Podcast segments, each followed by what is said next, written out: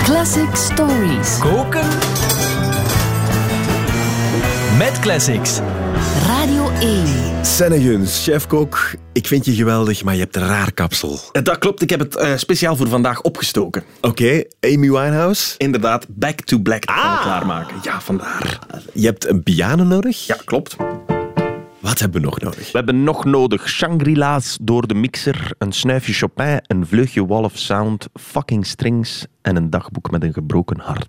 Shangri-La's in de mixer. Wat is dat? Ja, dus voor haar tweede album trok Amy Wi- Winehouse naar New York om dus samen te werken met producer Mark Ronson. Eh, De twee kennen elkaar niet en als je twee muzikanten samenzet die elkaar niet kennen, dan is de eerste vraag niet hallo, hoe is het?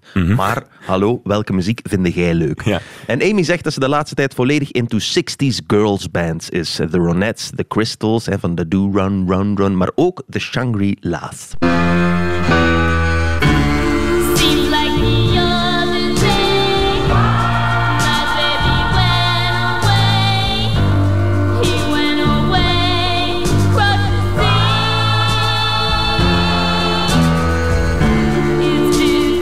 Remember Me heet dat nummer. Hè? En, en ze luisteren daarnaar in de studio. En Amy zegt tegen Mark dat ze graag zo'n plaat zou maken. En Mark zegt, cool, ik heb op dit moment niet meteen zoiets liggen, maar kom dan anders morgen een keer terug. En van zodra Amy buiten is, zet Mark zich achter de piano en begint hem te koken. Hij pakt die vier Shangri-La akkoorden. Deze. En hij wisselt de twee middenste van plaats. Dus hij maakt er dit van. Ah ja. En als je nu thuis denkt, ik hoor eigenlijk amper verschil, dan is dat ook omdat er amper verschil is tussen die twee akkoorden. Je kunt die perfect van plaats wisselen en je kunt de Shangri-La's ook perfect over die omgewisselde akkoorden spelen. Seems like the other day, my baby went away. He went away across the sea. En Mark denkt, tof, ik heb mijn akkoorden. Maar vervolgens denkt hij, ik ga ook het ritme aanpassen. Ik ga het niet in 3 doen, niet 1, 2, 3, 1, 2, 3. Maar ik ga het in 4 doen. 1, 2, 3, 4. Seems like the other day. My baby went away. En hij smijt er nog wat drums bij. We went away. across the sea. Voilà.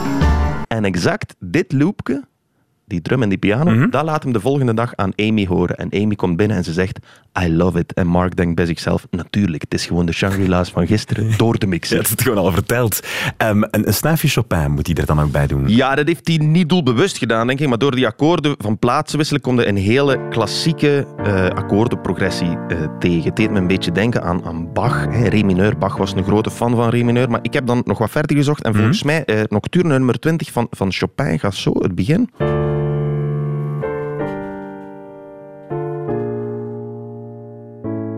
Hierover zou Amy perfect Back to Black kunnen zingen. We only said goodbye with words. I died a hundred times.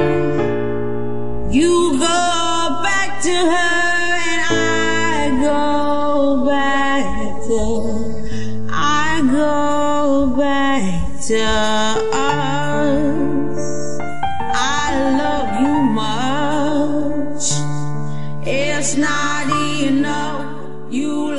klein snuifje Chopin, dat kan nooit kwaad. Zeker niet zo vroeg 's ochtends. Heerlijk, heerlijk smaakt het.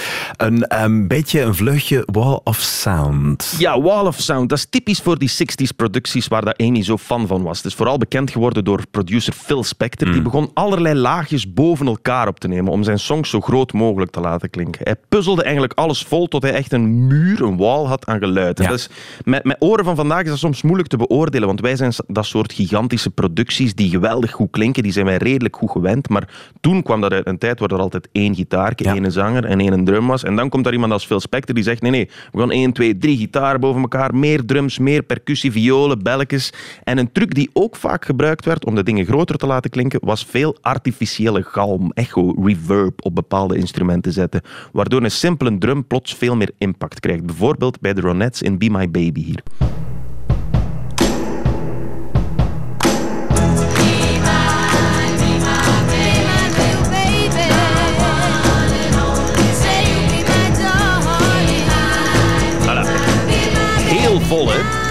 Veel stemmen, veel Ja. percussie, veel gitaartjes, veel backings. Het is een heel andere vibe dan Chopin natuurlijk.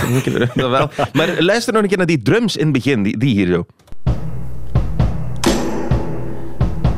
Dat klinkt een beetje alsof het in een grot in Antarctica is opgenomen. Hè. En, en die sfeer die gooit Mark Ronson dus ook in Back to Black. Zijn drums daar en heel die song is eigenlijk een dikke vette knipoog naar de jaren 60. In The Bridge kopieert hij zelfs letterlijk het ritme van de Ronettes. Ah ja. Hier. Go, go.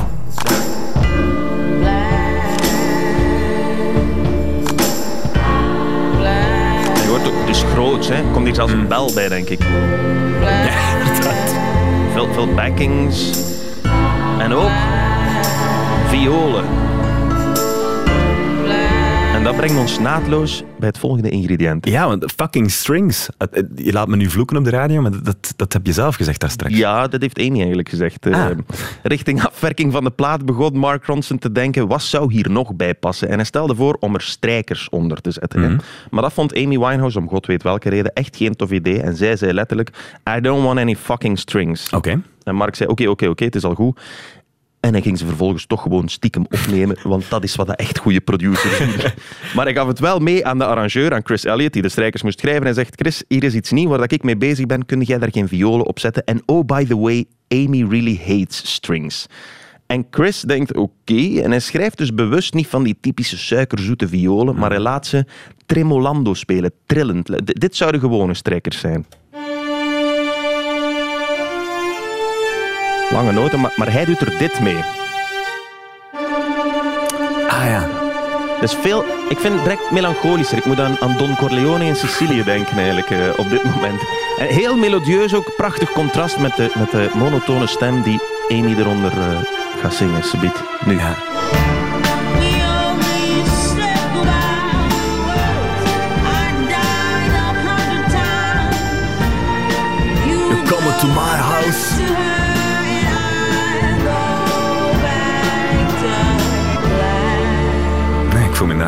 Even op een Italiaans straaffeest. Ah, ik vind dat geniaal. Fucking strings, soms werkt dat gewoon fucking goed.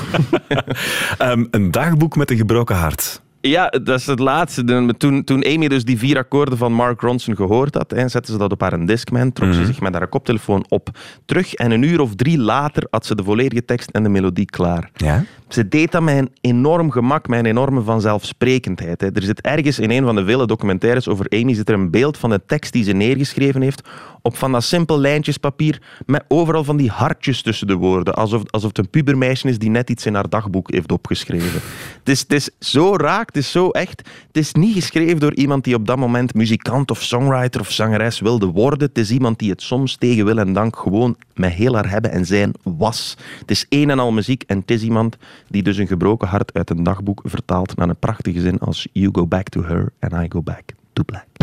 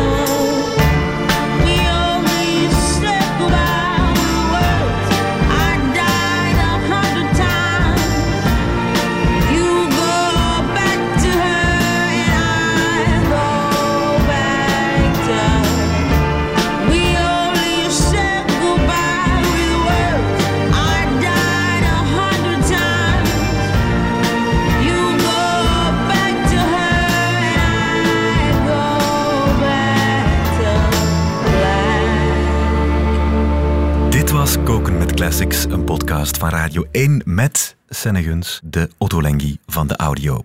Heb je nog een beetje honger naar meer podcast? Elke week komt er een nieuwe Koken met Classics uit via onze Radio 1-app, via je favoriete podcast-app of de website radio1.be. En je vindt er nog een hele hoop andere Radio 1-podcasts.